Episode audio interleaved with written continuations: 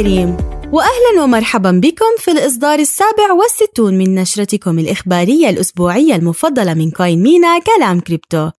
أسبوع آخر حافل بالأخبار حيث تواصل الهيئات التنظيمية الأمريكية حملتهم الصارمة على كوين بيس وباينانس بينما تعيد هونغ كونغ فتح أبوابها للعملات الرقمية. وألقي القبض على دوك وون. وازدياد تبني البيتكوين بأسرع معدل منذ عام 2021 كما وأطلقنا موقع جامعة كوين مينا. ونقدم لكم مكافآت بقيمة 5000 دولار في فوازير ومسابقات رمضان. كل هذا وأكثر لذلك دعونا نبدأ في نشرة هذا الأسبوع من كلام كريبتو. أخبار بسرعة البرق. إليكم بعض العناوين الرئيسية باختصار وسرعة. الحرب الأمريكية على العملات الرقمية. تستمر حملة الإجراءات التنظيمية المجحفة ضد شركات الكريبتو الأمريكية حيث أصدرت لجنة الأوراق المالية والبورصات إشعارا تحذيريا لكوين بيس بشأن تحقيقات حول انتهاكات محتملة لقانون الأوراق المالية الأمريكي. وأكد رئيس قسم الشؤون القانونية في كوين بيس أن شركة كوين بيس واثقة من مكانتها القانونية ومستعدة للمواجهة والدفاع عن عملياتها كما وترحب بالإجراءات القانونية التي من شأنها توفير الوضوح التنظيمي الذي يبحثون عنه. لجنة العقود الآجلة للسلع والتداول الأمريكية تقاضي باينانس والرئيس التنفيذي تشانغ بينغ تشاو تواجه منصة باينانس ورئيسها التنفيذي ومدير العمليات سامويل ليم دعوى قضائية من لجنة العقود الآجلة للسلع والتداول الأمريكية لانتهاكهم لوائح التداول والمشتقات. لم تسجل الشركة أبدا لدى لجنة العقود الآجلة للسلع والتداول الأمريكية وهي الآن متهمة بتجاهل القوانين الفيدرالية المتعلقة بالأسواق المالية بما في ذلك تدابير منع غسل الأموال وتمويل الإرهاب. عندما يغلق باب يفتح باب آخر. فبينما تشن الولايات المتحدة حربا على شركات العملات الرقمية تستعد هونغ كونغ للترحيب بها حيث أقرت الهيئة التنظيمية في هونغ كونغ قوانين جديدة لإحياء المكانة السابقة لها كملاذ لشركات الكريبتو والتي فقدتها بسبب حملة الصين على العملات الرقمية. العدالة تأخذ مجراها. بعد فترة وجيزة من اعتقاله في مونتينيغرو، تم توجيه تهمة الاحتيال في الولايات المتحدة لمؤسس شركة تيرافورم لابس دوك وون. والذي كان مسؤولا عن الانهيار الهائل الشهير لعملة تيرا UST. كما قد تم اتهامه بالاحتيال الاستثماري والاحتيال الإلكتروني والاحتيال في السلع والتآمر فضلا عن اتهامات منفصلة من هيئة الأوراق المالية والبورصات الأمريكية لعرضه أوراقا مالية غير مسجلة. محفظة متصفح مايكروسوفت إدج. تقوم مايكروسوفت إدج بتطوير محفظة ويب 3 قائمة على الإثيريوم لمتصفحها إدج. مما يتيح للمستخدمين إرسال واستلام العملات الرقمية وال NFTs عبر المحفظة. أخبار عالمية. ناسداك تقدم خدمة حفظ العملات الرقمية للمؤسسات.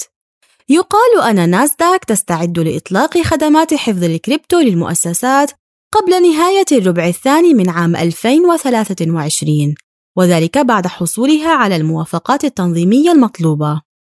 تشير هذه الخطوة إلى الاهتمام القوي على المستوى المؤسسي بقطاع الكريبتو، وذلك على الرغم من التحديات التي واجهتها القطاعات المختلفة في العام 2022. خلي عينك على عناوين البيتكوين التي تحتوي على أكثر من صفر بيتكوين تنمو بأسرع معدل لها منذ أوائل عام 2021 ميم الأسبوع. تلعب ال memes دورا مهما في ثقافة مجتمع الكريبتو. وفي الواقع يمكنك معرفة صحة السوق من خلال جودة وإبداع ال memes التي يتم نشرها. هذا الأسبوع تم ابتكار ميم مميزة وقصتها بالمختصر هي دفع مؤسس الريبل 5 ملايين دولار لمنظمة جرين بيس لتمويل حملة مناهضة لعملة البيتكوين تسمى تغيير الكود. تخيلوا أنهم قد كلفوا فنانا بإنشاء عمل فني كان من المفترض أن يحذر الجمهور من مخاطر إثبات العمل لتعديل البيتكوين. ولكن جاءت الحملة بنتائج عكسية وانقلب السحر على الساحر حيث أحب عشاق البيتكوين هذا العمل الفني وأصبحوا يستخدمونه كصور شخصية لهم وتم مشاركة آلاف الميمز حول هذا الموضوع.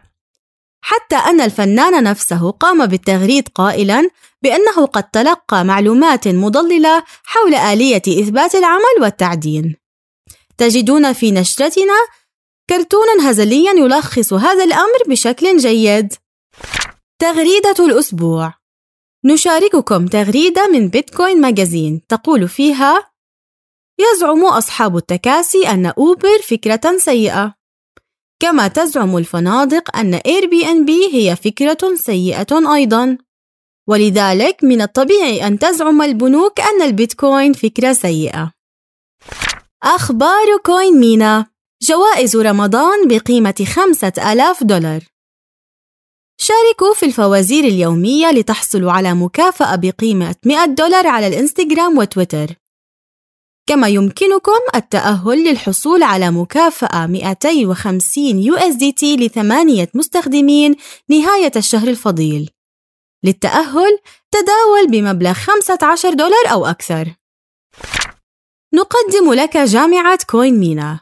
هل تريد التعلم المزيد حول الكريبتو ولكن لا تعرف من أين تبدأ؟ زور موقعنا واقرأ عن البيتكوين، التداول، الثقافة المالية، العملات الرقمية وكيفية حماية محفظتك الرقمية في أقل من خمس دقائق. تجدون الرابط في صندوق المحتوى. اختبر معلوماتك الرقمية.